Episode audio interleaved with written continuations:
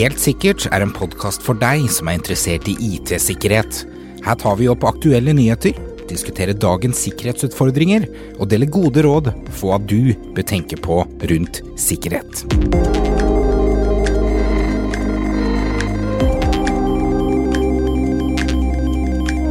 Hei og velkommen til Helt sikkert. Mitt navn er Stian. Og mitt navn er Aleksander. Og i dag skal vi snakke litt om eh, lovlig og ulovlig programvare. Er det noen forskjell? Vi skal snakke litt om en eh, ganske kul SQL injection eh, som eh, dukker opp. Og så skal vi også snakke litt om eh, Ashore-databaser og SMS. Lovlig og, ulovlig programvare. Vi bruker jo programvare til ganske mye forskjellig, og noe blir brukt til kriminell virksomhet.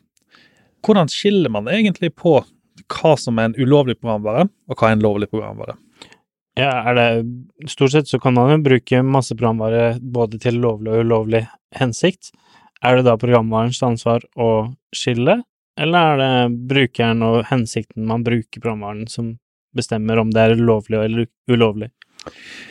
Det, det er akkurat det. Og um, grunnen til at vi nå snakker om dette, her er at et, en amerikansk eh, rett, altså en, um, et remote access tool, ble tatt ned i USA her, som heter monitorrett, IM-rett.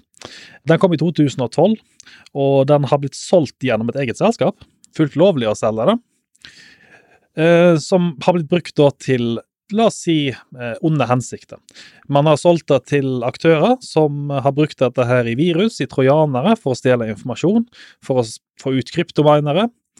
Og til slutt så var det Pala Alto, faktisk. De har en egen avdeling som heter Unit 42, som oppdaga dette. De, de hadde totalt sett 114 000 angrep i databasen sin, på, bare på sine egne kunder, på, med dette programvaren. Ikke sant? Og de som har produsert eller publisert programvaren, har jo ment at dette her var et legitimt remote desktop tool, ikke en rett for ondsinna hensikt. Det er akkurat det. Så, så først, for, for å få dere litt inn på riktig spor her. En ratt, eller remote access tool, er et verktøy som kan benyttes lovlig. Det gir eh, deg tilgang til f.eks. Um, i supportsammenheng, så vil du kanskje ha tilgang til skrivebordet. Du vil kanskje ha tilgang til filene på en kunde sin datamaskin. I noen tilfeller så vil du kanskje også se webkameraet deres, og få se bilder av dem uten å faktisk tvinge dem til å laste ned en applikasjon og f.eks. Skype og videre. Ja, det er f.eks. mange andre programvarer, sånn som f.eks. Teamviewer og sånne ting, som brukes til sånne ting eh, hensiktsmessig. De bruker da for å remote administrere maskinen, de bruker det for å laste over filer, for å, å oppdatere ting, og så bruker de videokamera for å ha en videokonferanse, eller at personen kan bruke kamera for å vise ting som er gærent forskjellige programvare bruker de forskjellige tjenestene, men de bruker det normalt sett i en god hensikt, da. Det er det, og, og så, så, så, er der vi kanskje litt uenige eh, innimellom, vil jeg si. Ta BitTorrent, hvis vi begynner der som en, en programvare.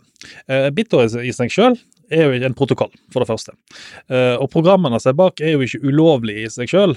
Nå er jo de fleste som kanskje sitter der ute, har kanskje vært borti torrent på et eller annet tidspunkt, kanskje også lasta ned noe som ikke var helt lovlig.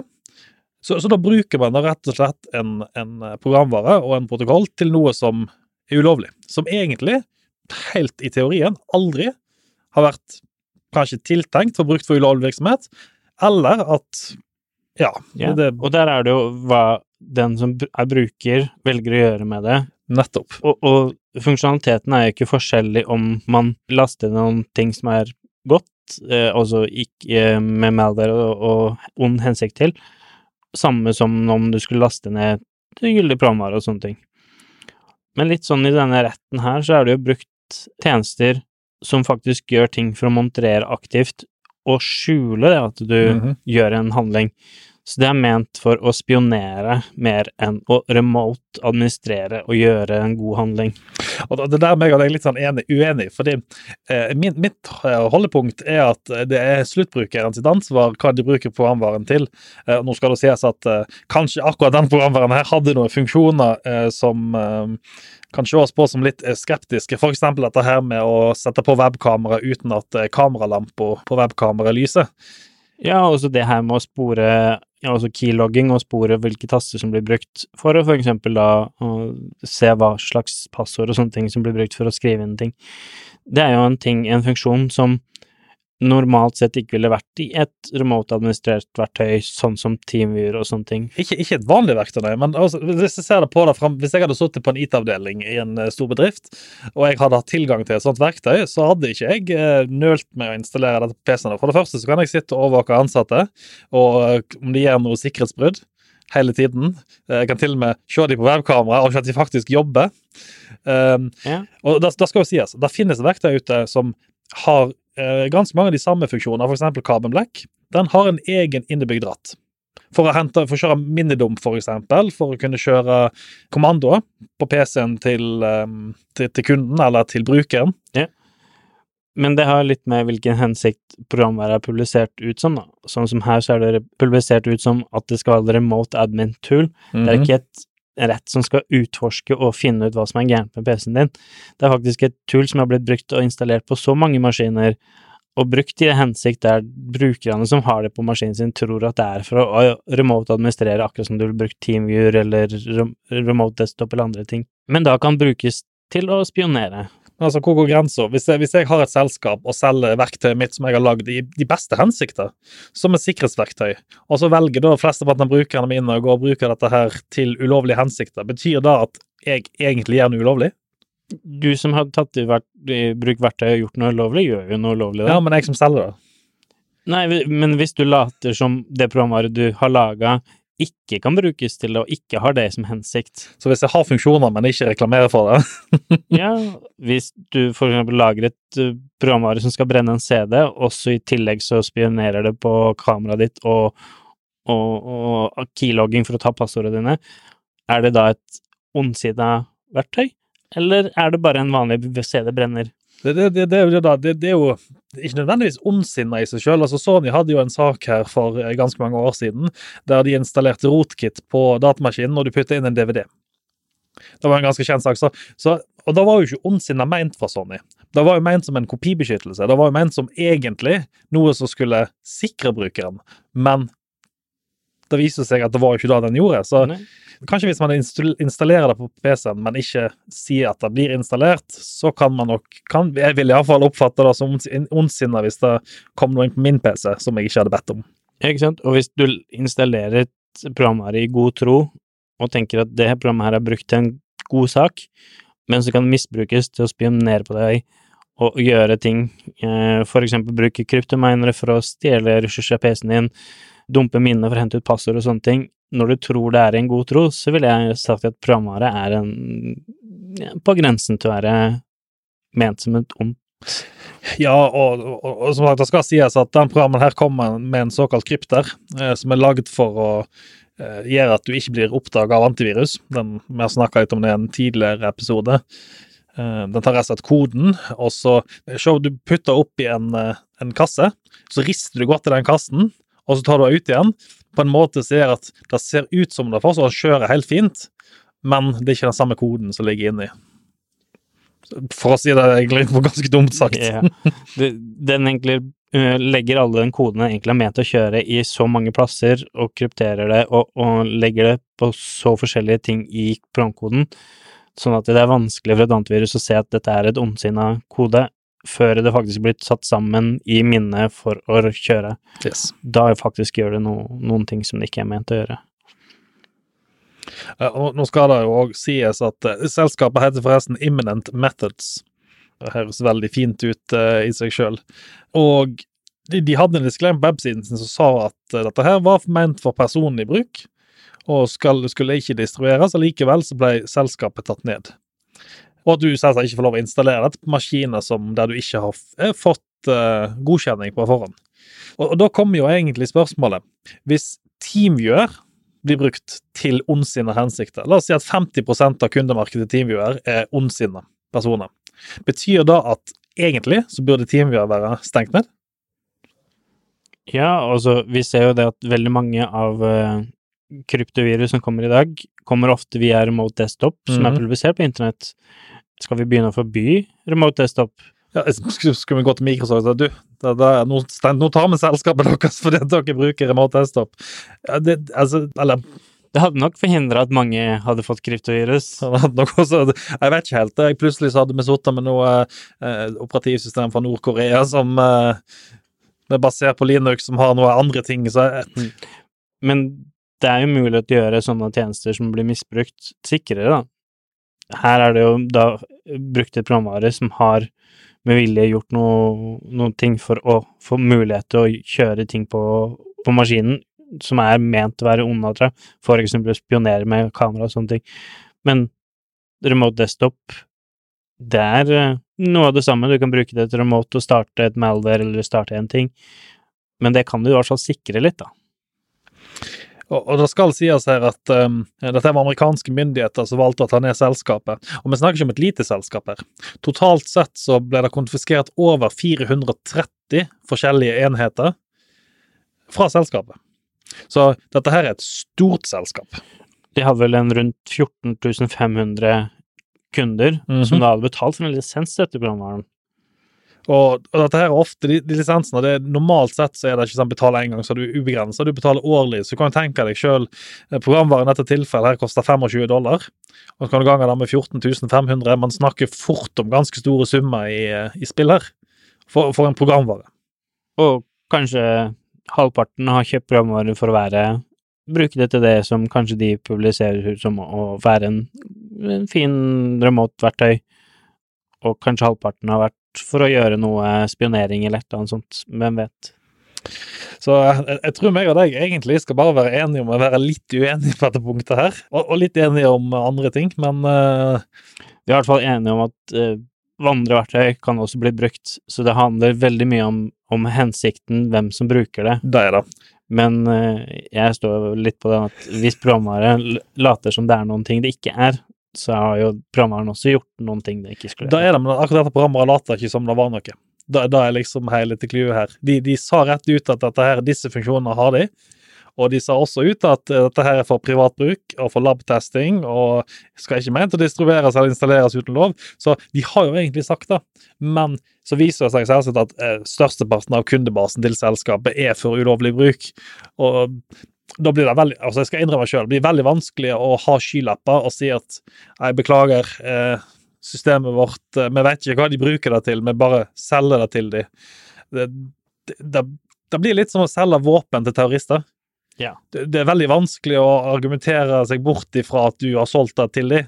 Nei, de, de kom her og hadde noen sånne rare klær på seg, men, eh, men, men bare solgte det til dem allikevel. Det, det, Ikke sant? Så det, det der er vi Ja, vi er der.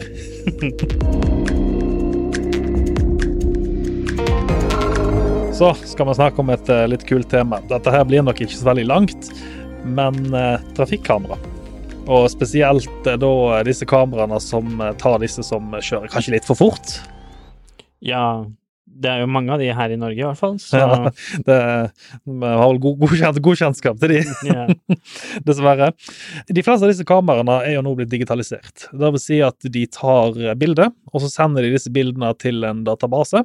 Men før de gjør det, så kjører de fleste analyser på bildene for å hente ut da, informasjon fra bilskiltet som står på bilen. ja.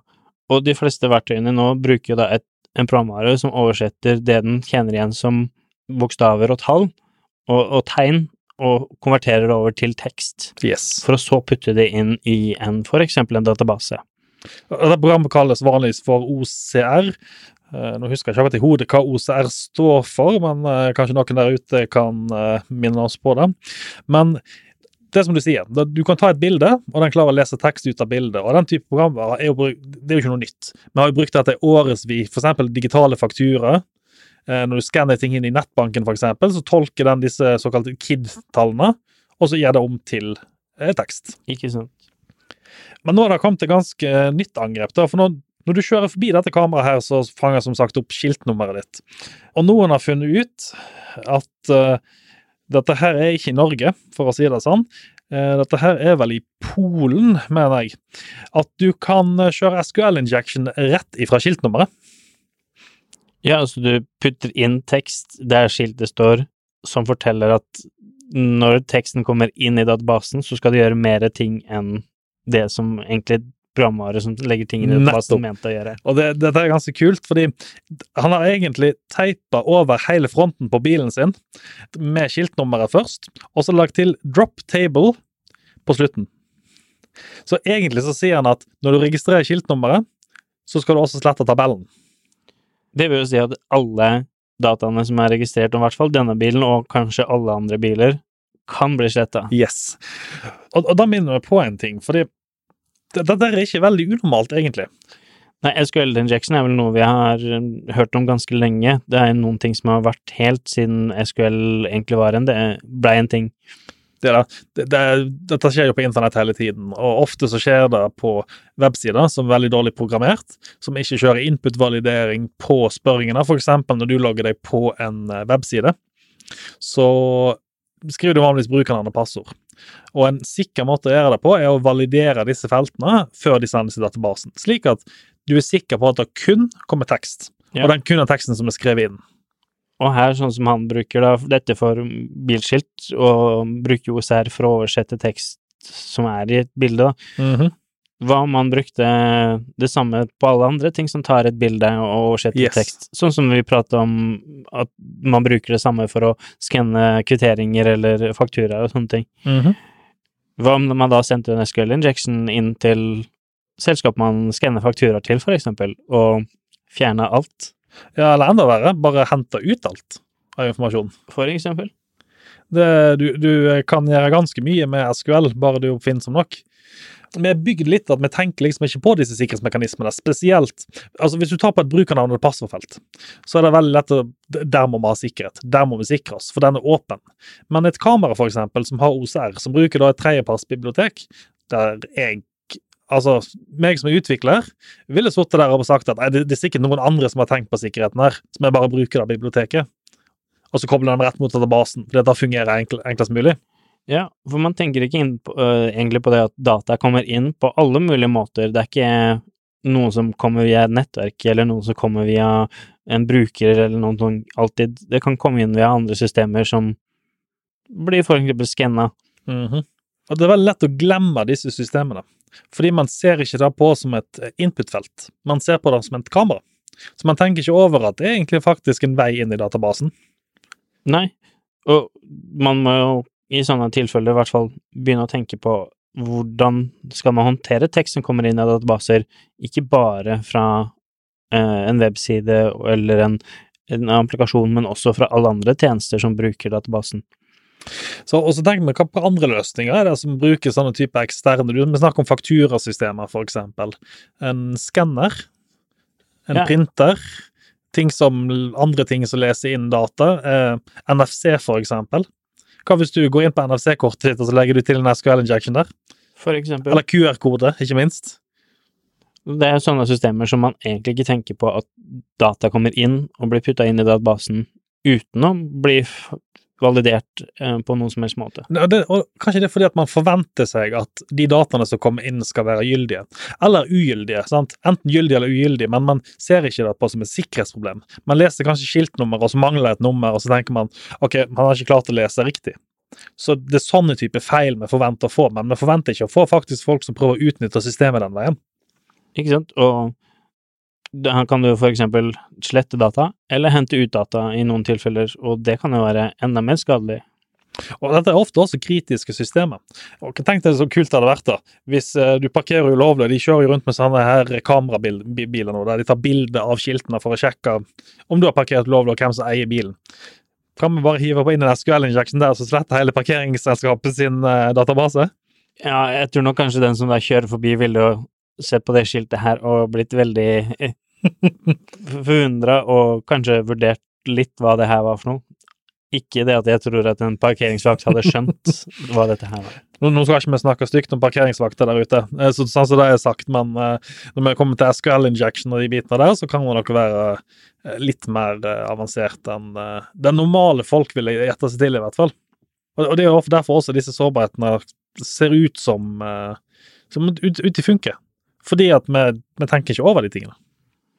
Ja, også for vanlige brukere som ikke tenker på sikkerhet innenfor SQL og sånne ting, så tenker de aldri på at data som kommer inn, kan misbrukes på denne måten. Og nå, nå skal det jo sies da at uh, jeg hadde kanskje ikke testa dette her med et uh, fartskamera i første omgang. Uh, jeg vil si dette her var veldig kreativt. Det var veldig kreativt. kanskje litt for òg. Hvis du da kjører litt for fort og mister lappen, så er det kanskje ikke like kult. Så dette er ikke anbefaling for, fra oss her å teste dette der ute i praksis. Da, da, da, det er eget ansvar, for å si det sånn. Ja, det er interessant også å se litt hvor mange geniale ideer som folk kommer opp med der ute. Og forskjellige måter. Men vi snakka litt om i en tidligere episode dette her med oss, eh, kassaapparater, og mulig å kjøre SQL Injection via strekkode, for eksempel.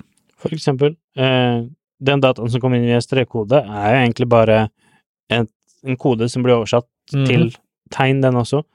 Stort sett så putter man inn den strekkodeleseren på samme porten som man ville gjort et vanlig tastatur, for det oppfører seg på akkurat samme måte. Så, så det beste tipset jeg kan uh, gi til dere der ute på dette her, hvis dere skal beskytte dere mot sånn type ting, tenk på alle enheter som er tastatur. For det er egentlig da det. Alt, alt, alle Kameraet i dette tilfellet er ikke innenheten, men OCR-biblioteket, som tolker det til tekst, er jo innenheten i dette tilfellet her. Så der burde det vært på noe validering, slik at man faktisk forhindre seg at slike ting kan skje. Ja, jeg ville egentlig tenkt på alt som kommer på veien inn til databasen, vil valideres på en eller annen måte før den blir sendt inn. Ja.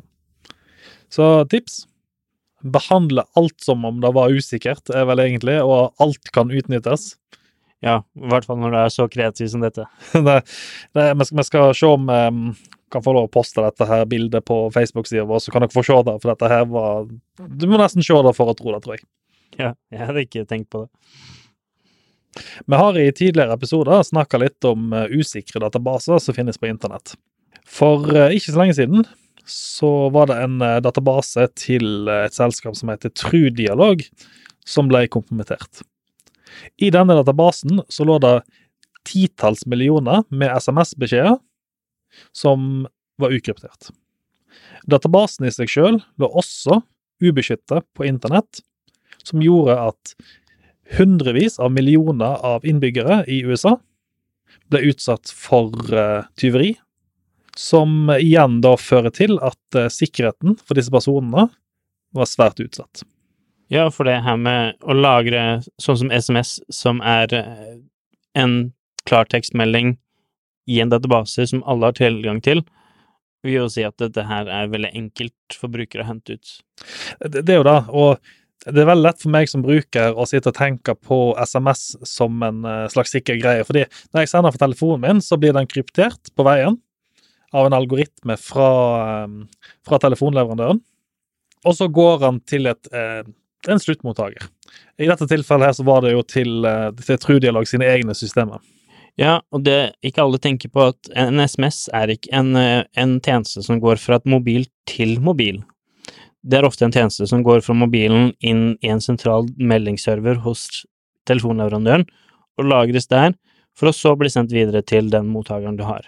Ja. Så alle tekstmeldinger man sender, vanlige SMS-meldinger på telefonen, er en klartekstmelding som blir alltid lagres hos telefonleverandøren din over en viss periode. Mm -hmm. Og hvis ikke den databasen som lagrer de tekstmeldingene, er sikra på en god måte, så vil jo det her være tilgjengelig. Og, og dette her er litt sånn um, Det er litt sånn nå i tiden, egentlig, å skulle gå ut i skyen med alt mulig rart. Uh, spesielt dette her med database i Asher. Og det er veldig lett å glemme at når man går ut i skyen, så forlater man det lille sikre området sitt som man har bak brannmuren på den egne serveren som kanskje er satt opp for en god stund siden, med en brannmur foran seg, til en plass som egentlig er åpent tilgjengelig for alle. Ja, for vi ser jo gang på gang det at eh, folk som flytter ting opp i skyen på noen måte, tenker at når jeg flytter ting opp i skyen, så blir sikkerheten tatt vare på av de som leverer skyen til deg. Mm -hmm. De tenker ikke på at når du legger opp en tjeneste der og bruker den, så er det alle andre på internett som har faktisk tilgang, ikke bare de som er på ditt lokale nettverk. Det, det er veldig lett å glemme det, og eh, det går veldig mye på kunnskap, ikke minst, men det går også opp på leverandørene, er de som leverer disse systemene til selskapene, er ofte veldig dårlige til å komme frem med disse poengene som går med sikkerhet. Kanskje fordi ikke de er like gode på det sjøl. Det er mye lettere å selge selve tjenesten og få den ut i skyen, enn å faktisk skulle gå ut og sikre det, for sikkerhet koster penger. Ja, og så har det blitt så veldig enkelt for en eh, vanlig, kall det en IT-bruker, å, å komme opp i skyen og starte å bruke tjenester. Si da det er en utvikler som vil teste ut noen ting, og vil lagre ting i, en database i for eksempel Asher eller Amazon, og tar i gang tjenester der uten å tenke på sikkerheten. Og så blir den tjenesten satt i produksjon, Mhm. ingen har tenkt på sikkerheten uh, når den ble gjort i produksjon, og så vil den bare leve der, uten at noen har gjort noen ting for å sikre den. Og det er det vi ser gang på gang, at sånne ting skjer utenfor uh, sikkerhetsavdelingen sin, uh, har blitt informert eller har noe peil på at det skjer. Og sikkerhetsavdelingen er, har veldig god kontroll på ting som er på en måte innsiden av nettverket og inn i bedriften. Men alt som befinner seg i skyen, det er vanskelig å ha kontroll på. Det er vanskelig å ha kontroll på både òg. Jeg skal si meg enig og uenig i uttalelsen. Det er vanskelig å ha kontroll på hvis ikke du har kontroll på teknologien som du bruker. Og skyteknologi det er veldig diffust, det er masse, masse nytt, og det skjer veldig store nye endringer der hele tiden. Og litt av utfordringen med skyen er som sagt at internt, hvis du tar internt i nettet, det er et eget nettverk, der har du normalt sett en IT-avdeling veldig god kontroll på hva som befinner seg, hva som lever, hvilke tjenester kjører, hvilke versjoner man har. Men hvis vi går da mot skyen, så skjer det ofte oppdateringer. Det kommer ofte endringer på tjenestene, nye funksjoner legges til. Det er rimelig vanskelig å holde seg 100% oppdatert på alt skjer, for det er ikke lenger du som står for driften av det. Det er IT-partneren, eh, la oss si Microsoft, og de har et ansvar for å levere en sikker tjeneste, en oppdatert tjeneste. Så da holder de ja, de holder den oppdatert. Så når det kommer en ny versjon, så venter ikke de med å lansere den nye versjonen Nei. spesielt med sikkerhetsfikser, bare fordi at en kunde kanskje må ha den forrige versjonen eh, fordi at det ikke fungerer for dem. De er der fordi at alle kunder deres har kanskje et behov for det. Ja, altså i cloud-tjenester så blir nok det med godt vedlikehold av oppdatering og, og siste versjon og sånne ting. Men det har også blitt veldig enkelt for en utvikler, en vanlig bruker, å, å ta seg bruk av skytjenester uten at det er i regi av bedriften. De trenger egentlig bare et kredittkort, lage en konto og laste opp. Vi har jo sett gang på gang at uh, for eksempel sånn som Dropbox har blitt brukt uh, med en privat bruker uh, i bedriftssammenheng. Ja. Og da har ikke bedriften noe, noen måte å få kontroll på det uten at man sporer hver enkelt ting som skjer. Og når det da blir gjort i et privat regi, så er det ikke noen enkel funksjon i en sånn eh, cloud-tjeneste. Nå skal det sies her, eh, til forsvar for eksempel fra Microsoft, så har de begynt å få ganske stor fokus på sikkerhetsverktøy, eksempel sånn som med Sentinel og med APT. Det er et fokus der fra de. Men igjen, du skal folk ha til å bruke disse verktøyene. Du trenger faktisk folk som sitter og følger med på de verktøyene. Det er ikke bare en løsning som gir deg 'hei, her er sikkerhetspakken', og så fungerer alt ut av boksen. Nei, så man må ta litt ansvar sjøl når man bruker cloud-tjenester, og at man tenker på det med sikkerhet.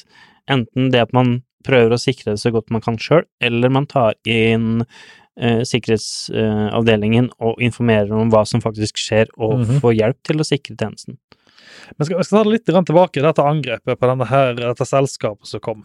For det viser seg da at dette selskapet her er et selskap som leverer SMS-tjenester til ganske mange andre selskaper, universitet osv. Slik at den informasjonen som lå der, det var ikke nødvendigvis den informasjonen som en bruker sendte frem og tilbake. Hvis jeg sender SMS til deg, så går det ikke via til det selskapet. Dette kan ha vært engangspassord på tjeneste. Det kan ha vært resetting av passord. Kanskje til og med personlig informasjon. Eh, 'Hei, jeg er syk i dag', eller 'han og han er syk'. Ja, alle sånne tjenester man sender meldinger til, sånn som for eksempel når man skal lade, lade bilen eh, Mhm. på elstasjoner og sånne ting. Alle sånne tjenester man bruker i cloud-tjenester for å ta imot eller sende SMS-tjenester, ligger jo da også på nett og, og kan brukes og administreres på akkurat samme måte. Og sånne tjenester er kanskje ikke mm, like flinke som da telefonleverandøren din til å sikre disse databasene. Nei, fordi de tenker at dette her er kanskje ikke så farlig informasjon. Altså, hvem bryr seg om eh, SMS som er sendt ut? Men ta for eksempel et sikkerhetssystem. da. Du skal ha tofaktorverifisering, og så bruker du SMS.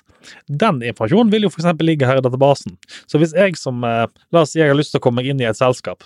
Jeg vet at leverandøren deres har en database som er usikker, så jeg sitter egentlig bare der og følger med på alle SMS-ene som blir sendt ut. En bruker logger seg på, det går ut en tofaktorbeskjed, og jeg sitter og venter på den SMS-en, for jeg har tilgang til databasen deres. Og den går helt ukryptert. Den er blir jo ikke dekryptert på telefonen. Nei, altså den går kryptert i lufta, men så fort den kommer inn på eh, serveren hos eh, telefonleverandøren, eller tjenesteleverandøren i det tilfellet, som mottar SMS-en, så blir den lagra i klartekst. Nettopp. Det er totalt sett 604 gigabyte av denne basen var på. Og Da kan dere tenke dere der ute hvor mange SMS-er som ligger i det systemet der, med 604 gigabyte. Ja, det er et stort antall SMS-er. Og og det kan ligge per helseopplysninger der. Det kan ligge veldig skadelige opplysninger fra en bedrift, for eksempel. Det kan være Hei, vi holder på å gå konkurs, alle må samle seg på kontoret og ha et møte. Sånne type ting. sant? Det kan være aksjeinformasjon som kommer ut.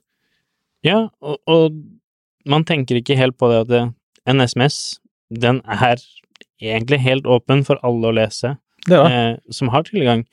Så har du en, for eksempel en, eh, en leverandør og en person i, hos den leverandøren har lyst til å vite hva slags SMS-er den personen sendte, så er det ingenting som kan stoppe det i, i dagens eh, løsning. Heldigvis så finnes det jo alternativer til SMS i, i dagens marked. Signal, for eksempel, den er jo med ganske kraftig eh, pådriver for å bruke. Ja, Signal er jo da brukt veldig mye fordi at eh, det er en kryptering fra din mobil til mottakerens mobil. Ja. Sånn at ingen, uansett om trafikken ble sporet eller eh, tatt over underveis, så er det ingen måte å finne ut hva du faktisk sendte. Det er det såkalt ende-til-ende-kryptering. Stemmer. Uh, og I dette tilfellet her så har det ikke vært noe i veien for at selskapet her har brukt f.eks. Signal som en, et mellomledd for å sende data fra Altså sikkert, og så lagrer det sikkert, ikke minst. Ja, Det er jo det at eh, det her med SMS er så mye brukt i en gammel teknologi som ikke har blitt oppdatert på lenge, eh, og har vært så planta inn i mange løsninger som gjør at kanskje ikke sånne sikre løsninger har blitt tatt i bruk. Nei, og eh, var ikke det Twitter-angrepet her nå, så var det sånn SMS-forfalskning, der noen hadde bedt om telefonnummeret hans og fått et nytt SIM-kort aktivert, og så fikk han en tofaktoraktivisering på SMS. Og det hadde jo ikke vært et problem dersom han har brukt eksempel eh, Microsoft sine Authenticator. Eh, Hvis du logger på på Portal, så får du ofte opp en sånn beskjed om å taste inn kode. Og så går du inn i tofaktorautentiseringen, og så taster du inn koden. Hvis du istedenfor klikker på en, at jeg vil ha en annen metode å logge på på, så kan du be om å få en autentisering sendt til telefonen din, og så klikker du på approve eller disapprove. Og den er så mye sikrere, for du må for det første ha enheten, som er telefonen din, Mm. og du må fysisk klikke på at du godtar den påloggingen. Og vi ser jo flere, flere eh, aktører prøver å misbruke det her. Eh, jeg har jo personlig opplevd det at jeg har fått flere SMS-er fra for eksempel Microsoft eller andre, fordi at de prøver å bruke min SMS-løsning. Yes. Selv om ikke jeg har det som primær tofaktor, så er det faktisk sånn som i Microsoft et alternativ til å bruke det. Og det er jo, gjør det enda mer usikkert, da, så du kan gå utenom å eksempel få tofaktoren sendt på SMS hvis du ikke har appen inne. Så, så egentlig må, det, er en funksjon som burde vært deaktivert. fordi Det vil jo si at selv uansett hvor mye du sikkerhet du setter på din app og din konto, og så er det uansett den SMS-en som sendes ut, så jeg kan bare stå utenfor og snappe opp den SMS-en, og så Stemmer. Så jeg fjerner alle SMS-tofaktorfunksjoner jeg kan komme over. ja, det, det, er en, eh, det, det er skummelt, akkurat den viten der. Eh, og vi har jo sett tidligere hvor lett det er å få tak i SMS-er fra andre folk. Ja, man tenker ikke helt på det at um, man kan få tak i det her. Det eneste som gjør at den er kryptert, det er fra mobilen til tårnet Ja. som tar imot. Alle andre ledd er ukryptert. Mm. Så har man noe som helst mulighet til å enten spore trafikken, ha en man-middel på noe som helst måte, eller komme inn på en server hos leverandøren, så har man lett tilgjengelig den dataen. Og vi ser gang på gang at leverandører har ikke så veldig mye sikkerhet, eh, mer sikkerhet enn en vanlig bedrift har. Nei. ehm, for, for å si det sånn, hvis de har tofaktorautorisering med SMS, så er egentlig det positivt. Fordi det er ganske mange som ikke har noe som helst tofaktorautorisering. Ja. Så eh, for å ta, ta et siste tips eh, til dere der ute. Har dere tofaktorautentisering eh, i systemet deres, eller bruker det, så se om det finnes alternativer. Hvis det finnes andre alternativer til tofaktor, ta de i bruk. Og deaktivert det tofaktor på eh, SMS, rett og slett. ja, det er viktig å påpeke at det her handler om to faktor på SMS. Ja, det er viktig. Har du mulighet til å bruke to faktor, så bruk det uansett, men prøv å unngå det å bruke to faktor på SMS. Ja. Og vær veldig forsiktig med hva dere sender på SMS også, sånn generelt sett. Bruk eh, krypterte løsninger. Um, det trenger ikke være signal. Eh, hvis dere bruker WhatsApp, så er også den kryptert. Og jeg mener også at Facebook sin Messenger har en mulighet for å aktivere ende-til-ende-kryptering. Ja, den har det. Eh, og jeg tror at eh, i hvert fall kryptert fra ende til server på Apple SMS-meldinger. Så den er litt sikrere enn SMS, men kan man ta over eh, Apple sin meldingstjeneste, så har man mulighet å spore. Og det skal sies at når du sender meldinger via Messenger, så lagres de ukryptert på, hos Facebook. På samme måte som hos dette selskapet. For du må jo kunne se det når du går på web. Yes. Og man tenker ikke på at de tjenestene kan også da eksempel bruke det sånn som i dette tilfellet en cloud-tjeneste, og ikke sikre databasen sin. Så da var det vi hadde for i dag, Aleksander. Aleksander. Det ble noen gode temaer, dette. Det ble det. Så får dere ha en eh, riktig fin dag. Så snakkes vi i neste episode. Vi snakkes. Ha det bra. Ha det bra. Podkasten Helt sikkert er laget av Cybron Security og produsert av Shaw Media. For mer informasjon om IT-sikkerhet, gå inn på cybron.no, eller så finner du oss også på Facebook under navnet Cybron Security. Vi tar gledelig imot innspill, tips, eller om du har spørsmål rundt din IT-sikkerhet.